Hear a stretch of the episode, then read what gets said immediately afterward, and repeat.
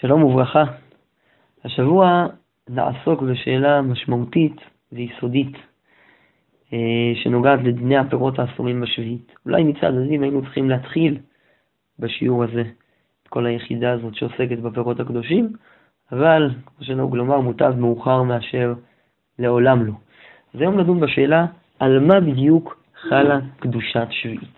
דיברנו על קדושת שביעית, ממה היא נובעת, האם זה קדושה או רק איסורים, על האיסור להפסיד פירות שביעית, על איך למכור אותם, איך להתנהג בהם, איך להתנהג עם השאריות, אבל עוד לא הגדרנו על איזה דברים בדיוק אנחנו מדברים, באיזה גידולים שייכת קדושת שביעית ובאיזה לא. הזכרנו בעבר קליפות אה, וגרעינים שלא רואים למאכל אדם או כן רואים למאכל אדם, האם חלה עליהם קדושת שביעית או לא. אבל היום ננסה לעשות קצת סדר בשאלות האלה. מה הדין של פרחים? מה הדין של אה, עצים, דברים שהם לא אוכל שגדלים מן הקרקע, עם כל דבר שגדל מהקרקע שייך בקדושת שביעית, רק אוכל שגדל מהקרקע שייך בקדושת שביעית. אז אלו השאלות שנתעסק בהן היום. ונתחיל את לימודנו מהמשנה במסכת שביעית בתחילת הפרק השביעי. שם המשנה כותבת, כלל גדול אמרו בשביעית, כל שהוא מאכל אדם, הוא מאכל בהמה וממין הצובים ואינו מתקיים בארץ, יש לו שביעית ולדמיו שביעית, יש לו ביאור ולדמיו ביאור. אז יש לנו כאן קריטריונים. מה יש בו שביעית? מה יש לו שביעית? בעצם, בלשוננו, מה, במה שייכת קדושת שביעית. והכלל כאן הוא כלשהו מאכל אדם ומאכל בהמה וממין הצובים ואינו מתקיים בארץ. אז יש כאן כמה אה, גדרים. קודם כל מאכל אדם, כל דבר שראוי לאכילת אדם, ומאכל בהמה, דבר שבהמה יכולה לאכול. וממין הצובים, דבר שאפשר לצבוע איתו. כל הדברים האלה זה שימושים שראינו שמותר לעשות, ואולי צריך לעשות, עם פירות שביעית.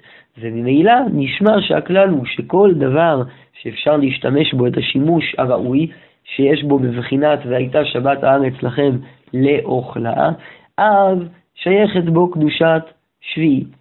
במשנה ב', המשנה שם ממשיכה, מציינת שיש דברים שיש בהם קדושת שביעית, אבל אין בהם מצוות ביאור. מצוות ביאור בעזרת השם נלמד בהמשך. החילוק בין משנה א' למשנה ב' זה האם הדבר ראוי למאכל אדם ולמאכל בהמה או לא. ועוד כלל אחר, אחר אמרו בשביעית, כל שאינו מאכל אדם ומאכל בהמה ומן הצווים, הוא מתקיים בארץ, יש לו שביעית ולדמיו שביעית, אין לו ביאור ולדמיו ביאור. אז כיוון שהדבר מתקיים בארץ, לא יהיה לו ביאור, אבל אנחנו כאן לומדים שגם דבר שהוא לא מאכל אדם ולא מאכל בהמה, עדיין יש לו שביעית. והדברים אומרים דרשני. במשנה א' היה נשמע שמה שמגדיר את קדושת השביעית זה הגדרת דבר כאוכל, על פי הכתוב, ראית שבת הארץ לכם לאוכלה. והנה במשנה ב' מחדשת המשנה שיש דברים שאינם אוכל, ובכל זאת שייכת בהם קדושת שביעית. בשביל לפתור את הבעיה הזו, אנחנו נידרש לגמרא במסכת סוכה, בדף מ' עמוד א', סוגיה שהזכרנו כמה פעמים, המשנה שם מדברת על מי שרוצה לקנות אתרוג של שביעית, והגמרא מדברת על אה, האפשרות להבליע את דמי האתרוג בלולב, ואומרת הגמרא, תמא דלולב באו שישית הנכנס לשביעית, עד השביעית קדוש. הגמרא מעמידה את הלולב הזה בלולב של השנה השישית שהגיע לתוך השנה השביעית ולכן אין עליו קדושת שביעית כמו שראינו בעבר. אבל מכאן נשמע שלולב שבאמת גדל בשביעית, הכנתה שלו, רוב גידולו היה בשביעית, הוא באמת קדוש. ושואלת הגמרא, מהי? עצים בעלמא הוא, ועצים אין בהם קדושת שביעית. דתניא, עלי קנים ועלי גפנים, שגיבבן לחובה על פני השדה. לקטן לאכילה יש בהם משום קדושת שביעית, לקטן לעצים, אין בהם משום קדושת שביעית. הברייתא מדברת על עלי גפנים, שהם בעצם דבר שהוא ראוי בצורה מסוימת לאכילה, אבל לא, הייעוד, לא נאמר שהייעוד הטבעי שלו הוא אכילה. אדם שזורע גפן, שותל גפן בשביל שיהיה לו ענבים ולא בשביל שיהיה לו עלים. וכאן אומרת הברייתא, הדבר תלוי בדעת האדם. אם האדם מלקט את עלי הגפנים לצורך אכילה, יש בהם קדושת שביעית, כי בעצם האדם מתייחס אליהם כאוכל, אבל אם הוא מלקט אותם לעצים ומתייחס אליהם כחומר פיזי שאפשר אולי לעשות איתו בגדים, אולי לבנות איתו, אבל לא לאכול אותו, אז אין בו משום קדושת שביעית. משמע שהכלל שעומד ביסוד הברייתא הוא שרק דבר שראוי לאכילה ומתקיים בו והייתה שבת הארץ לכם לאוכלה, יש בו קדושת שביעית ולא דבר שאינו עומד לאכילה. ואם כן, בלולב שאינו עומד לאכילה, כולנו מכירים את המדרש המפורסם על ארבעת המינים, שהלולב יש בו טעם, אבל הכוונה לא ללולב עצמו, שאי אפשר לאכול אותו, אלא לפירות עץ התמר, לתמרים. אז לולב לא עומד לאכילה, אז על פניו לא אמור להיות בו קדושת שביעית, הוא עומד לעצים בעלמא. ובשביל לתרץ את הסתירה הזו, מחדשת הגמרא, אטם דאמר קרא לכם לאוכלה. לכם דומיה דלאוכלה. בפסוק לא כתוב והייתה שבת הארץ לאוכלה, אלא לכם לאוכלה. מדייקת כאן הגמרא, המילה לכם גם באה ללמד שלא רק שימוש של אכילה הוא שימוש שיוצר קדושת שביעית, אלא גם שימוש של לכם. אבל הלכם הזה צריך להיות דומיה דאכילה. מה הכוונה דומיה דאכילה? אומרת הגמרא, מי שהנאתו וביאורו שווה, יצאו עצים שהנאתן אחר ביאורן. דבר שהנאתו וביאורו שווה. באכילה, כאשר האדם אוכל, בו במאיסה, באותו מעשה, הוא גם מכלה את הפרי ומבאר אותו מן העולם. וכל הנאה כזו, שעצם ההנאה מכלה את הפרי, היא הנאה שיוצרת קדושת שביעית. וממילא רש"י בגמרא מסביר, הלולב עומד לכבד בו את הבית. זה ככה היו משתמשים בלולבים בעבר, היו מטאטאים איתם את הבית, והטיטוי של הבית הוא גם הורס את הלולב, אז זה דבר שהנאתו וביאורו שווה. אבל אומרת הגמרא, כל דבר שהנאתו אחר ביאורו, אז אין בו קדושת שביעית. מקשה הגמרא, והאיכא עצים דמשכן, דהנאתן וביאורן שווה. בברייתא כתוב שעצים אין בהם קדושת שביעית, אבל גם לעצים עומדים להדלקה, ולהדלקה, אנחנו בהדלקה, כשאדם מדליק אש בשביל שיהיה לו אור בבית, ההנאה והביאור הם בבת אחת, תוך כדי שהעץ מתכלה הוא גם כן עושה אור. בתרצת הגמרא, אמר רבא, סתם עצים להסקה אין עומדים. תירוץ ראשון שהגמרא מביאה זה תירוצו של רבא, שסתם עצים להסקה עומדים, הכוונה לחימום, והחימום, הבישול, מגיע דווקא לא דווקא, אלא גם אחרי שהעצים אה, כבר שרופים והפכו לגחלים, ולכן זה מקרה שהנאתן אחר ביאורן. אז אנחנו רואים שהכלל העולה כאן מהגמרא בדף עמוד א', כל דבר שהנאתו וביאורו שווה, יש בו קדושת שביעית, כי בעצם אנחנו קוראים בו, והייתה שבת הארץ לכם לאוכלה, ולכן לא משנה לי מה הייעוד הסופי, מה ההנאה הסופית, האם היא הנאה של אכילה או לא, אלא הקריטריון שמשנה זה האם ההנאה היא בשעת הביאור או לאחר הביאור. דברים דומים עולים בגמרא בבבא קמא בדף קא עמוד ב', שם מקשים בין שתי ברייתות. תנן, ממין הצומים, ספיחי סיטיס וקוצה, סיטים וקוצה, יש להם שביעית ולדמיהם שביעית, יש להם דמיור ולדמיהם ביאור, עלמא עצים יש בהם קדושת שביעית. אז יש כאן ספיחי סיטיס וקוצה, זה שלושה צמחים שהם ממין הצובים, הם לא עומדים לאכילה, אלא להפיק מהם צבע, והגמרא אומרת שיש להם שביעית, משמע, הברייתא אומרת שיש להם שביעית, משמע שיש קדושת שביעית בעצים, והגמרא מקשה מאותה המשנה שראינו לעיל, עלי גפנים, קנים ועלי גפנים שגיבבן בחובה על פני השדה, לקטן לאכילה יש בהם משום קדושת שביעית, לעצים אין בהם משום קדושת שביעית, ומשנה אותו התירוץ, אמר קרא לאוכלה, במי שהנאתו וביאורו שבין, יצאו עצים שהנאתן אחר ביאורן. אז בשתי המקומות האלו הדין של הנאתו וביאורו שווה, מופיע כקריטריון הקובע לעניין אה, קדושת שביעית. יש לדון האם ההגדרה הזו של הנאה היא הגדרה אובייקטיבית או הגדרה סובייקטיבית. דהיינו, האם כל אדם יכול להחליט שמשהו עומד בשבילו להנאה? ראינו לגבי עלי גפנים, שהשאלה אם יש בהם קדושת שביעית או לא, תלויה בדעת האדם. אם האדם מתכוון ללקוט אותם לאכילה, יהיה בהם קדושת שביעית, ואם הוא לוקט לעצים, אין בהם משום קדושת שביעית. וזה מעלה הווה אמינא, שאולי כל אדם יכול להחליט האם הוא משתמש בדבר הזה כאוכל או לא. או שמא מדובר על הגדרה אובייקטיבית. אז בהמשך הגמרא בדף מ' עמוד א' במסכת סוכה, הגמרא מעמידה את השאלה האם סתם עצים להסקה כתנאי, דתניא. אין מוסרים פירות שביעית לא למושרה ולא לחבוסה. רבי יויסי אומר, מוסרים. אז יש מחלוקת תנאים, האם מותר לכבס עם פירות שביעית. תנא קמא הוא אוסר, משמע שכיבוס זה לא תשמיש שיוצר גם קדושת שביעית, הוא לא בגדר לאוכלה, לכן אסור לעשות איתו, אותו עם פירות שביעית וממילא הוא גם לא ייצור קדושת שביעית, ורבי יוסי אומר שהם אוסרים. יש כמה דעות בראשונים איך להסביר את המחלוקת, כרגע מעניינת אותנו שיטת התוספות. תוספות טוענים שמחלוקת רבי יוסי ותנא קמא היא בדיוק בשאלה הזו. תנא קמא סובר שאנחנו הולכים אחרי ההגדרה האובייקטיבית. אם רוב עצים להסקה עומדים, אז גם אם אדם לקח עץ והחליט שהוא משתמש בו למאור, עדיין, בדרך העולם זה להשתמש במאור לשמן, אז עדיין לא, הרצון הזה של האדם להשתמש בעץ בשביל לעשות אור לא ייצור קדושת שביעית, וזה בעצם התירוץ של רבא. סתם עצים להסקה עומדים, ולכן גם אם לקחתי עץ על מנת להעיד איתו את הבית, אין בו קדושת שביעית, למרות שהדלקת הנגד דבר שכן נחשב כתשמיש של לאוכלה, שהנעתו ובראש שווה. אבל הדלקת הנר אמורה להיעשות עם שמן, ולא עם עצים. ורבי יויסי חולק על זה ואומר שכל דבר ששווה לכל נפש, זאת אומרת כל הנאה שאפשר לחיות איתה, שהיא לא מוזמה מדי, כן יכולה להגדיל את הפירות כקדושים בקדושת שביעית.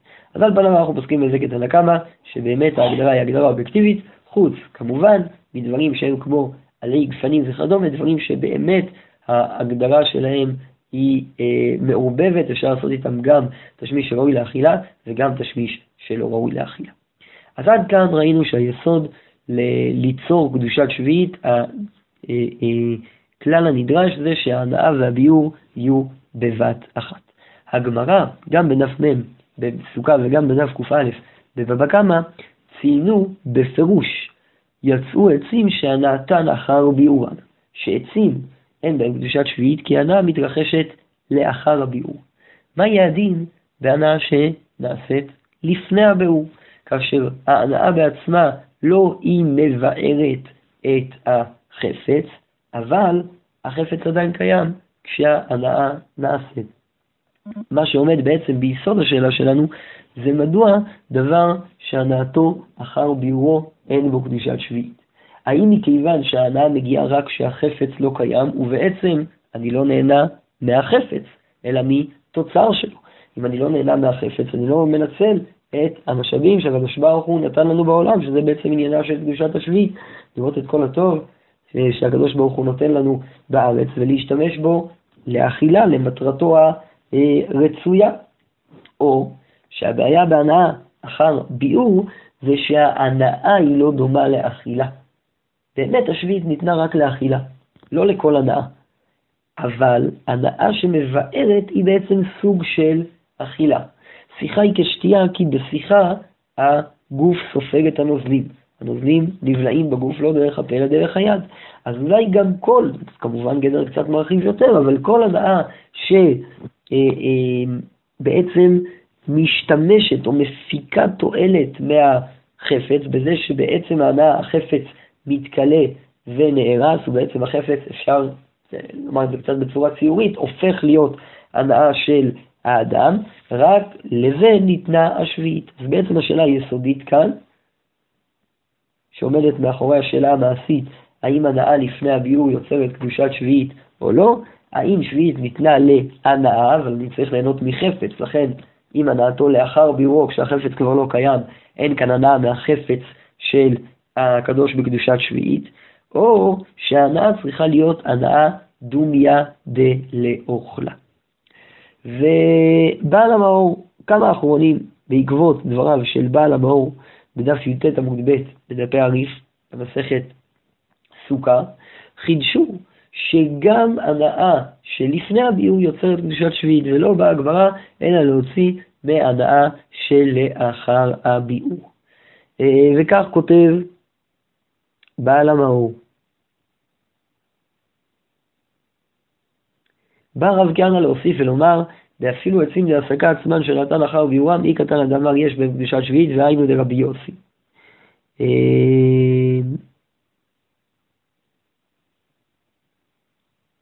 כך קדושת שביעית חלה בכל דבר הנאה שווה לכל אדם, אף על פי שנעתו אחר ביורו, וכל שכן במה שנעתו וביורו שווה כגון עצים למושכן שמתחמם כנגד עם, ותרגום חמות יראות תינור, וכל שכן במי שנהנה בו קודם שיתבאר, כגון לולב עשוי לכבד בו את הבית. וכאן יש מחלוקת מעניינת בין בעל המור לרש"י. ראינו ברש"י שלולב עשוי לכבד בו את הבית, הוא נחשב בשעת הנעתו ביאורו, כי על ידי הכיבוד הלולב נהרס. אבל אומר בעל המאור לא, הלולב לא נהרס, אבל ההנאה נעשית לפני הכילוי, הלולב עדיין קיים כשאני נהנה ממנו. וכמו שאמרנו, על פי בעל המאור הזה, אה, שניים מן האחרונים, ורבים בעקבותיהם גם כן, הלכו בכיוון שיש קדושת שביעית גם בדברים שהנאתם נעשית לפני באורן, ובעצם כל דבר שאני יכול ליהנות ממנו, יהיה בו קדושת שביעית. הקהילות יעקב בשביעית, סימן י"ט אה, באות ב', הסטייפלר כותב, ועוד נראה דיסוד הנאתו וביאורו שווה דבעינן לקדושת שביעית, אינו אלא לאפוקי כשנאתו אחר ביאור, כי היי דעצים שם בבבקם, אבל הנאתו קודם ביאורו לא אכפת להם כלל, וכן מפורש מבעל המאור. ויש להביא ראיה דבהנאתו קודם ביאורו נוהג בהם קדושת שביעית. ומה הראיה שמביא הקהילות יעקב? שאלה מאוד מעשית, בעיה שמופיעה בירושלמי, במסכת שביעית פרק ז' הלכה א', בסמים באו שיהיה עליהן קדושת שביעית.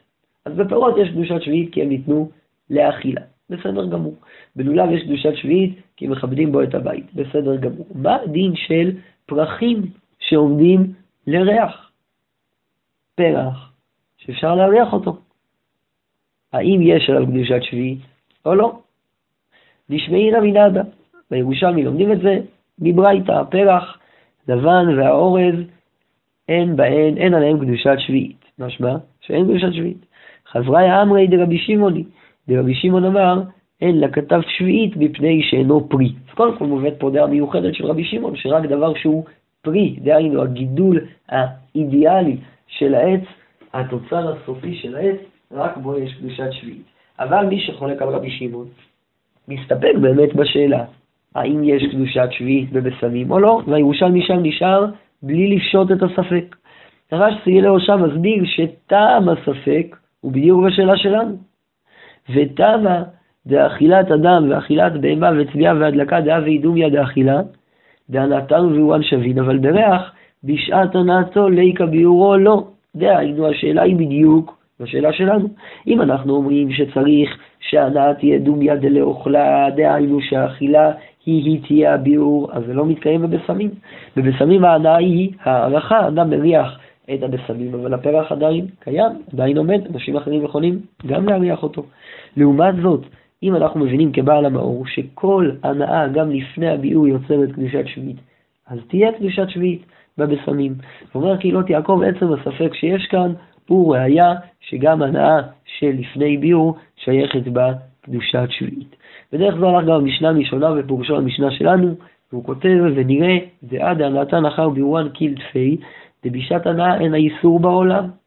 אבל הנאתן קודם ביאורם כל שכן דנוהג בהם שביעית, דהיינו הנתן לפני ביאורם, אפילו יותר פשוט מהנתן בשעת ביאורם, כי בשעת ביאורם אפשר להגיד שאין פה ממש חפצה, כי על ידי הנאה אני מכלה אותו, אבל בהנתן כל ביאורם, כשהחפץ עדיין קיים ואני נהנה מהחפץ הקדוש בקדושת שביעית, ודאי שהנאה כזאת תגרום לקדושת שביעית לחול על החפץ.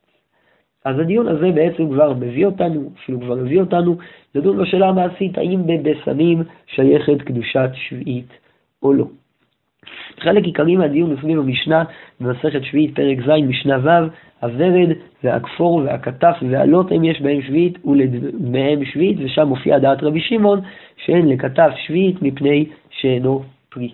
ונשאלת השאלה, למה הוורד ודומיו, הארטק וכולי, שהם בעצם אה, פרחים, סליחה, ולא פירות, למה אין בהם, למה יש בהם קדושת שביעית. אז במשנה הראשונה, גם כאן המשיך בשיטתו, ופירש כל עני לריח אבידי, וכל העשוי לריח שייך בי שביעית. דהני נמי אם מריח בהם כמו שהם הנעתן קודם ביאורם, ואם נותנם לתבשיל הנעתן בשעת ביאורם. אומר המשנה הראשונה, שני שימושים אפשר לעשות בפרחים האלו. קודם כל להריח בהם, והרחה היא תשמי שיוצר קדושת שביעית, כי הנעתו לפני ביאורו. דבר שני זה לשים אותם בתבשיל, להכין מהוורד מי ורדים או להשתמש בהם כתבלינים, ואז הנעתן וביאורן שווים, הנעתם בשעת ביאורן, בשעת האכילה, אה, וממילא יהיה בהם קדושת שביעית מצד לכם דומיה דלאוכל. החזון איש אה, חלק, והבין את המשנה בצורה אחרת. הוא הבין שהמשנה מדברת אך ורק על אכילה. והוא גם הבין את כל הבעיה בירושלמי בצורה אחרת, סביב השאלה האם ריח הוא הנאה ששווה לכל נפש או לא. נכון, יכול להיות שריח זה באמת הנאה שהיא קודם הביור, אבל הפרחים האלו, אה, או הנאה של ריח, היא הנאה שהיא מיוחדת, היא לא הנאה נצרכת, היא לא הנאה בסיסית לכל נפש. אה, ולכן יכול להיות, יכול להיות, החזון סובר שאין בפרחים שיש בהם ריח קדושת שביעית, מכיוון שהנתן היא לא הנאה השווה לכל נפש. הלכה למעשה נחלקו בשאלה זו גדולי אה, אחרוני זמננו. הרב רוזנר בשבט הלוי חלק ב' סימן ר"ב נוטה להחמיר, וכך הוא כותב לעניין ורנים מבואר בפרק ז' משנה ו' דיש עליהם קדושת שביעית לעניין יסמי פרחים. אה, טוב, על כל פנים בן דין ודן יראה להחמיר, החזון איש.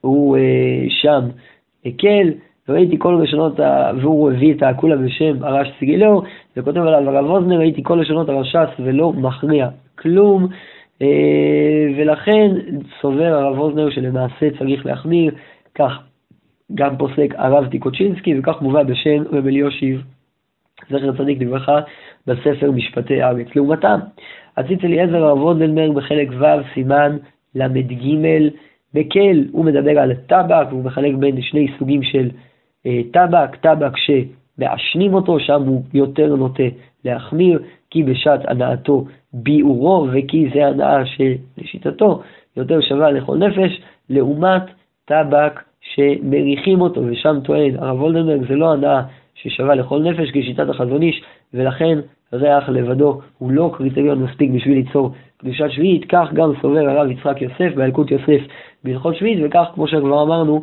נשמע גם מהחזון איש. אז זה בנוגע לפרחים שיש בהם ריח. עד דעתי על נאחרי, בוא נדון בדין בפרחים שאין בהם ריח. מה קורה בפרחים שמוכרים אותם אך ורק לנוי? אז אם פרחי הנוי אפשר גם להריח אותם, אז אנחנו חוזרים לדיון על דבר שיש בו ריח, האם קדושת שביעית שייכת בו או לא. כאן יש שאלה שאני משאיר אותה בסוגריים ולא ניכנס לדיון בה, הוא ידרוש ממנו עוד הרבה מאוד זמן, האם קדושת שביעית נקבעת על פי הייעוד האידיאלי של הפרי, או על פי ייעוד אפשרי של הפרי. דהיינו, פרח שמוכרים אותו בתחנת דלק בשביל שיהיה לך פרחים לשבת, ודאי שמוכרים אותו בשביל נוי ולא בשביל להריח, אבל יש לו גם ריח. לעומת זאת, אה, תבלין שמוכרים אותו רק בשביל להריח, איזה פרח שלא יודע מה, הדסים, או לא יודע, פרח כזה שמוכרים אותו בסמים של הבדלה, שם עיקר שימושו זה להריח. אז האם רק בבשמים להבדלה, נגיד שהריח יוצר קדושת שביעית, או גם בפרחי נוי. אז שבט הלוי מבין בפשטות שבפרחי נוי, אם יש בהם ריח, והוא נוטה להחמיר בריח, ודאי שיש בהם אה, גם כן אה, קדושת שביעית. כן, הוא מחלק את הפרחים לשלושה סוגים, ורדים וכיוצא בהם שהם עשויים גם למאכל וגם לריח, ב' יסודי בושם שאין להם תשמיש אחר מריח שלהם, וג' פרחי סרק העשויים לנוי בעלמא בלי ריח. לעניין אה, פרחים עם ריח כבר ראינו שהוא נוטה להחמיר, לעניין יסודי פרחים בלי ריח, מסקנת הירושלמי דאין עליהם קדושת שביעית. כך סובר אה, שבט הלוי, ועל פניו אה, זו הסברה אה, הפשוטה. בשאלה שדנו בה לגבי היחס בין בשמים לפרחי נוי, רב שלמה זלמן נוירבך טוען שהולכים לפי מה שהפרח עומד אה, לו, דהיינו לפי השימוש העיקרי והאידיאלי, וכך הוא כותב למעשה, נקטין לנו בפרחי נוי לא נוהג קדושת שביעית, ואף על פי שראויים ודאי לבהמות או לחיות ועופות. הרי ונקודה נוספת שלא העלינו עד עכשיו, פרחי נוי, אמנם יכול להיות שאין בהם ריח, אבל הם כן יכולים להיות מאכל בהמה. אך, אומר הרב שלמה זלמן אורבך, כיוון שהם לא עומדים למאכל בהמה, זה לא תפקידם וייעודם, אז מאכל בהמה לא משנה לנו כרגע. ולכן, לפי רב שלמה זלמן אורבך, רק פרחי נוי כאלה, כשהריח בהם הוא משמעותי וחשוב, והוא חלק מהתשמיש שעושים איתם, שהם גם מפיצים ריח טוב בבית, פרחים כאלה אולי תהיה בהם קדושת שביעית, אבל פרחי נוי שיש בהם קצת ריח והריח הוא נספח וטפל לגמרי להנעת הראייה שלהם, לפי רב שלמה זלמן אורבך לא בהם קדושת שביעית, לפי הרב אוזנר, שלא מחלק, על פניו יהיה בהם קדושת שביעית, ורק פרחי נוי ללא ריח בכלל, לא תהיה בהם קדושת שביעית. אז עד כאן דיברנו לגבי גדר הנעתו וביאורו שווה, והנעתו לפני ביאור. נקודה נוספת שקשורה לדיון על הנעתו וביאורו שווה. אה, זה מה הדין בעצים שעומדים לבניית רהיטים, או פשתן שעומד לעשיית בגדים, פשתן הוא מהצומח. בסופו של דבר עושים איתו בגדים. האם זה נחשב הנעתן וביאורן שווה או לא? אמנם יצירת הבגד היא בשעת התפירה של הפשתן, התביעה של הפשתן, אבל הפשתן עדיין קיים בתוך הבגד, הוא לא לגמרי מתכלה, אולי הלבישה מכלה את הפשתן. אותו דבר לגבי עצים לרהיטים. כשאני בונה כיסא, אז העץ עדיין קיים, הוא לא קיים בצורתו המקורית, אבל הוא כן קיים, ואולי הישיבה לכיסא היא מכלה את הכיסא. הירושלמי, במסכת שביעית, פרק ט' הלכה ה', כותב, תבן של שביעית אין נותנים אותו בקר. נתנו בקר בטל והוא שישן עליו.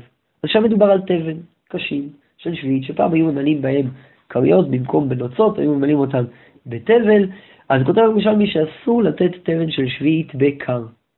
למה? אומר הרמב"ם בהלכות שמיטה ויובל פרק ה' הלכה כ"ג, ואם נתן הרי זה כמבואר. אומר הרמב"ם, כאשר נותנים את התבן לתוך הכרית, התבן משנה את התפקיד שלו. עד עכשיו הוא היה צמח, עכשיו הוא נהיה חפץ. החפץ בעצם מבער את התבן. ולכן אסור לתת תבן של שביעית לתוך הקר, כי תבן עומד למאכל בהמה, ולתת אותו לתוך הקר זה מפסיד אותו, זה מבטל אותו. ואם נתנו, באמת התבן בטל, כלשון המשנה. מכאן לומד החזון איש בשביעית, בסימן י"ג, סעיף קטן ח', שאין קדושת שביעית בעצים שעומדים לבניין ובפשתן. וכך הוא כותב, ובזה יש ליתן טעם שאין פשתן קדוש בקדושת שביעית. וקשיא לנו, מה ישנה מצבע? הרי גם בצבע אנחנו, יש דבר דומה, אנחנו לוקחים את הפרי, מבשלים אותו ואז יוצא ממנו צבע, אז אולי זה כבר לא הפרי, אלא זה צבע בלבד. ולעבור יש לומר, בכיוון שעשו בגד באטל לי כיוון שנשתנה והווי כתבן בקר, ולא דמי ללולבין שעשן מטאטא, כי שם הלולב הוא בעצמו מטאטא, אבל כאן התבן הוא מתבטל אגב הקר. אה, ובגד לא מקרי ביאור, דאינו דומיה דביאור של אכילה. החזון איש מחדש חידוש נוסף, שהנעתו וביאורו שווה, הביאור צריך להיות ביאור של שימוש. אי אפשר לבאר החפץ בלי להשתמש בו. כשאני נותן את התבל לתוך הקר, אני עוד לא משתמש בקר, כשאני בונה את הכיסא, אני עוד לא משתמש בכיסא, ולכן שעת הביאור היא לפני ההנאה, הנאתו רק אחר ביאורו, ולכן אין בדברים האלו קדושת שביעית, ומוסיף החזון איש זה צריך נמי לעצים העומדים לבניין. הקהילות יעקב בשביעית בסימן י"ט סעיף קטן ד' מביא חילוק אחר והוא כותב כך בשם הריטווה והרשב"א ועוד כמה מגישוני ספרד, וחלוק שהשתמשותו, חלוק הכוונה בגד, שהשתמשותו שזה אכילתו אינו מבערו בזמן הביאור, אלא אם כן יהרוג הבהמה או ישרוף הבגד. אבל לכלה, היינו הנעתו, אי אפשר לבערו בזמן הביאור. כל כי היגב אין זה לאוכלה אמור בתורה, וממילא אינו נתפס כלל בקדושת שביעית. קהילות יעקב טוען משהו אחר. כן, זה לא מקרי לאוכלה של דין שביעית, אלא בדבר שאינו קלה על ידי ביאורו. כן, הקהילות יעקב טוען שרק דבר שמשתמשים בכולו, שמכלים אותו על ידי הנעתו יש בו אה, קדושת שביעית. לכן כיסא שאני יושב עליו, אני לא מכלה אותו על ידי הנעתו ואין בו קדושת שביעית. אה, ובעקבות שני הטעמים הללו, גם הטעם של החזון איש וגם הטעם של הקהילות יעקב, מחמיר רבי יצחק וייס בשו"ת ממנחת יצחק, חלק ח' סימן קא, בצמר גפן. צמר גפן, אה, הוא אומנם אה, משתמשים בו לא לאכילה, אבל הוא עומד עדיין בצורתו המקורית, ובנוסף השימוש שלו גם כן מכלה אותו, הורס אותו לגמרי, אי אפשר להשתמש בו אחרי שהשתמשו בו כבר בשביל לשים יוד על פצע או דברים דומים, ולכן סובר מנחת יצחק שיש בו אה, קדושת שביעית. המנחת יצחק בעצמו מחדש חידוש גדול מאוד בנוגע לעצים לבניין, והוא טוען שעצים של בניין אין בהם קדושת שביעית בכלל מסיבה טכנית. אנחנו לא יודעים באיזה שנה הם גדלו. עץ שגדל רק בשנת השמיטה, אז עוד קטן, אי אפשר לבנות ממנו שום דבר, ואם הוא עץ גדול, אז אולי הוא קצת הוסיף בשנת השמיטה, אבל עדיין עיקר גידולו היה לפני השמיטה, ולכן מצד מניין השנים, טוען המנחת יצחק, שאי אפשר שתהיה קדושת שביעית בעץ בעצמו. אפשרות רביעית, קצת נורא למה שראינו בחזון איש, אומר רב מוישה אהרונסון בישועות משה, ישות ישועות משה, סימן א', והוא סובר שיש דין פנים חדשות באו לכאן, בעצם זה מעין טעמו של החזון איש. אז דיברנו עד עכשיו על הגדר של הנאתו וביאורו, הנאתו קודם ביאורו, והדין של עצים לבניין. אבל יש לנו גדר נוסף שנדרש בשביל ליצור קדושת שביעית. הגמרא בעבודה זרה בדף י"ג עמוד ב' מונה דברים של דברים שאסור למכור לעובדי כוכבים, אצטרובלים ובנות שוח ופטוטרת ולבונה ותרנגול הלבן ועוד כל מיני דברים. ובגמרא שם שואלת הגמרא, מהי אצטרובלין? אותם אצטרובלין שאסור למכור לעובדי כוכבים, אומרת הגמרא, טורניתא. ומינו הוסיפו עליהן אלכסין ואצטרובלין מוכססין ובנות שוח, ואי סלקא דעתך אצטרובלין טורנינה. טורנינה מאיתא בשביעית, הברייתא שנוסיפו עליהם מתייחסת לדברים שיש בהם קדושת שביעית. ושואל הירושלמי, סטרובלין, אם זה באמת טורניתא, שזה צמח שהוא לא גדל בקרקע, האם יש לו שביעית? והתניא יש ברייתא, זה הכלל. כל שיש לו עיקר, יש לו שביעית, וכל שאין לו עיקר, אין לו שביעית. מה הכוונה? יש לו עיקר. אז כמה פירושים מצינו בדבר. רש"י בגמרא שם בעבודה זרה דף י"ד עמוד א' אומר שיש לו עיקר להתקיים בארץ בימות הגשמים כגון קישואין ודילואין וכיוצא בזה. זאת אומרת יש לו עיקר, הכוונה שהוא מתקיים בארץ גם בימות החורף. לא כל כך ברור איך זה נכנס במילים וגם לא כל כך ברור איך זה עובד למעשה. הרי אנחנו יודעים שגם דבר שהוא הוא, הוא חד שנתי או אפילו חד עונתי ומגדל רק בקיץ, יש בו קדושת שביעית. אבל באמת גם רש"י עצמו בשתי מקומות אחרים שהכלל הזה מופיע, בשבת, צדיק עמוד א', בנידה ס"ב עמוד א', רש"י מפרש בצורה אחרת, שעיקר הכוונה שורש שממנו חי. דהיינו רק דבר שמושרש בארץ, שייכת בו קדושת שביעית. וזה נפקא מינה גדולה, למשל לפטריות, המאירי שם, בדף י"ד עמוד ב' בגמרא בעבודה זרה, מסביר לפי הפירוש הזה ברש"י, שפטריות אין בהם קדושת שביעית.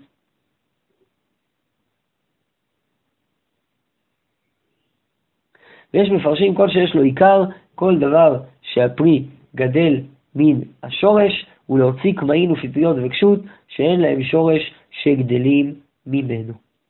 אה, וכך פוסק גם רבי יצחק וייס במנחת יצחק, חלק ח' סימן צדיק ט', שבפטריות אין קדושת שביעית, וכך גם בדרך אמונה הרב קניאלסקי בשמיטה ויובל בפרק ד', הוא כותב בפירוש שאין קדושת שביעית בקמהין ופטריות. אה, נפקא מילה גם לדבש, דבש שעל פניו מיוצר מצוף, לכאורה היה מקום לומר שיש בו קדושת שביעית, אבל, כמו שלמה זלמן אורבך במדעי ארץ סימן ד', סובר שהכוורת, אה, ויש שני צדדים להחמיר בדבש. קודם כל העובדה שהוא מגיע מצוף, ולגבי זה כותב רצבי פסח פרנק בכרם ציון בהלכות שביעית, שהוא מדמה את זה לדבר שנעשית מצוותו. הדבורים אכלו את הצוף ובעצם כבר נעשית מצוותו של הצוף. הוא כבר נאכל כי אימו בו לאוכלה, ואחרי שנעשית מצוותו בשביעית, כמו שבדיני מעילה, דבר שנעשית מצוותו אין בו משום מעילה, כך גם בדבש שבצוף בעצם שנעשית מצוותו בשביעית הוא כבר נאכל, לא יהיה בו קדושת שביעית לאחר מכן כשהוא יוצא מהדבורים בתור דבש. ושוב חבל נחלתו, חבל נחלתו הלכו בכיוון אה, קצת אחר, ושם היתר הוא מצד זה וזה גורם. יש שני דברים שגורמים, גם הגוף של הדבורה וגם הצוף גורמים לדבש, וזה וזה גורם מותר, ולכן הדבש לא מגיע באופן ישיר מהצוף. רב שלמה זלמן באחדן בדבש מכיוון אחר. בגמרא ובארבעת בדפי עמוד ב', רבי אליעזר אומר שמי שרודה חלת דבש בשבת חייב מלקות, משום עוקר דבר מגידולו, שזה תולדה של קוצר, משמע שכוורת דבש נקראת קרקע, כך מדייקים שם בגמרא.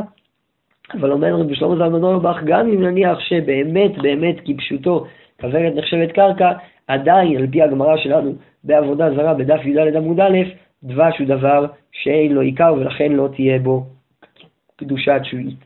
פירוש שלישי בדבר שאין לו עיקר זה הרייבד שמביא אותו המאירי, הרייבד מופיע גם בפירושי הרייבד במסכת עבודה זרה, ושם הרייבד כותב מה זה שיש לו עיקר? כגון שאם אין לו פרי יש לו מי העלים או לולבים שאדם מייחדם לאכילת אדם או אף לאכילת בהמה, יש להם ביאור, שכך שנינו כלשהו מאכל אדם או מאכל בהמה או ממין הצבעים ואינו מתקיים בארץ, כלומר שיש להגביל בהם זמן שכליל החיה שבשדה, יש לו ביאור. בקיצור מסביר הרייבד, יש לו עיקר, הכוונה כל דבר שיש לו פרי, אז יש לכל העץ כולו דין שביעית, גם לעלים וגם אה, לגזע. אז נגענו פה גם כן בעקרונות, ראינו שני כללים יסודיים, קודם שהנעתו וביאורו צריכים להיות שווים, אולי שהנעתו לפני ביאורו עמדנו על השאלה היסודית מה מגדיר דברים כקדושים בקדושת שביעית, האם האפשרות לאכול אותם והנעתו בשעת ביאורו זה סוג של אכילה, או שהאפשרות ליהנות מהם, מהם, מעצמם כשהם עוד קיימים, ולכן גם הנאה לפני ביאור תהיה אה, כזו שיוצרת קדושת שביעית, ואלו נפקא מינה לגבי בשמים, דיברנו על הסוגים השונים של הפרחים, ודיברנו גם על רהיטים, למה אין בהם קדושת שביעית, רהיטים ובגדים שעשויים מפשתן, סיימנו בכלל של דבר שיש לו עיקר, ראינו כמה פירושים שהפירוש המקובל הוא באמת הפירוש השני, שהדברים צריכים להיות, שצריך שיהיה להם שורש ונפקא מינה לפטריות ודבש, ונסיים אה, בנקודה האחרונה, וזה הנקודה של תבלינים, דבר שנעשה רק לנתינת טעם ולא אוכלים אותו בעצמו. הרמב"ם בהלכות שמיטה ויובל, פרק ה' הלכה כ"ב, פוסק את התוספתא במסכת שביעית, פרק ו' הלכה ז', הצורר תבלין של שביעית ונותן לתוך התבשיל, אם בטל טעמה על הרי אלו מותרים, אין קדושת שביעית כי אין טעם, אבל אם נשאר בהן טעם, עדיין הם בקדושת שביעית. וכאן מדובר על הטעם שבתבלין, שאם עוד יש טעם בתבלין הוא קדוש בקדושת שביעית. המשנה מדברת על חבית שהיה בה שלושה אה, סוגים של פירות שביעית, ואומרת שלעניין ביאור אנחנו מחייבים את כל הפירות לפי הדין של המאוחר שבהם, זה אחת מדעות התנאים שם.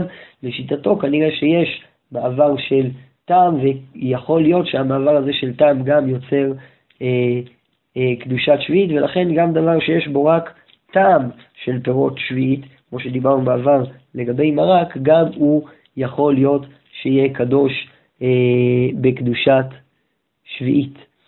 אה, אז אלו הדברים, וכאן אנחנו אה, נעמוד. שבוע טוב.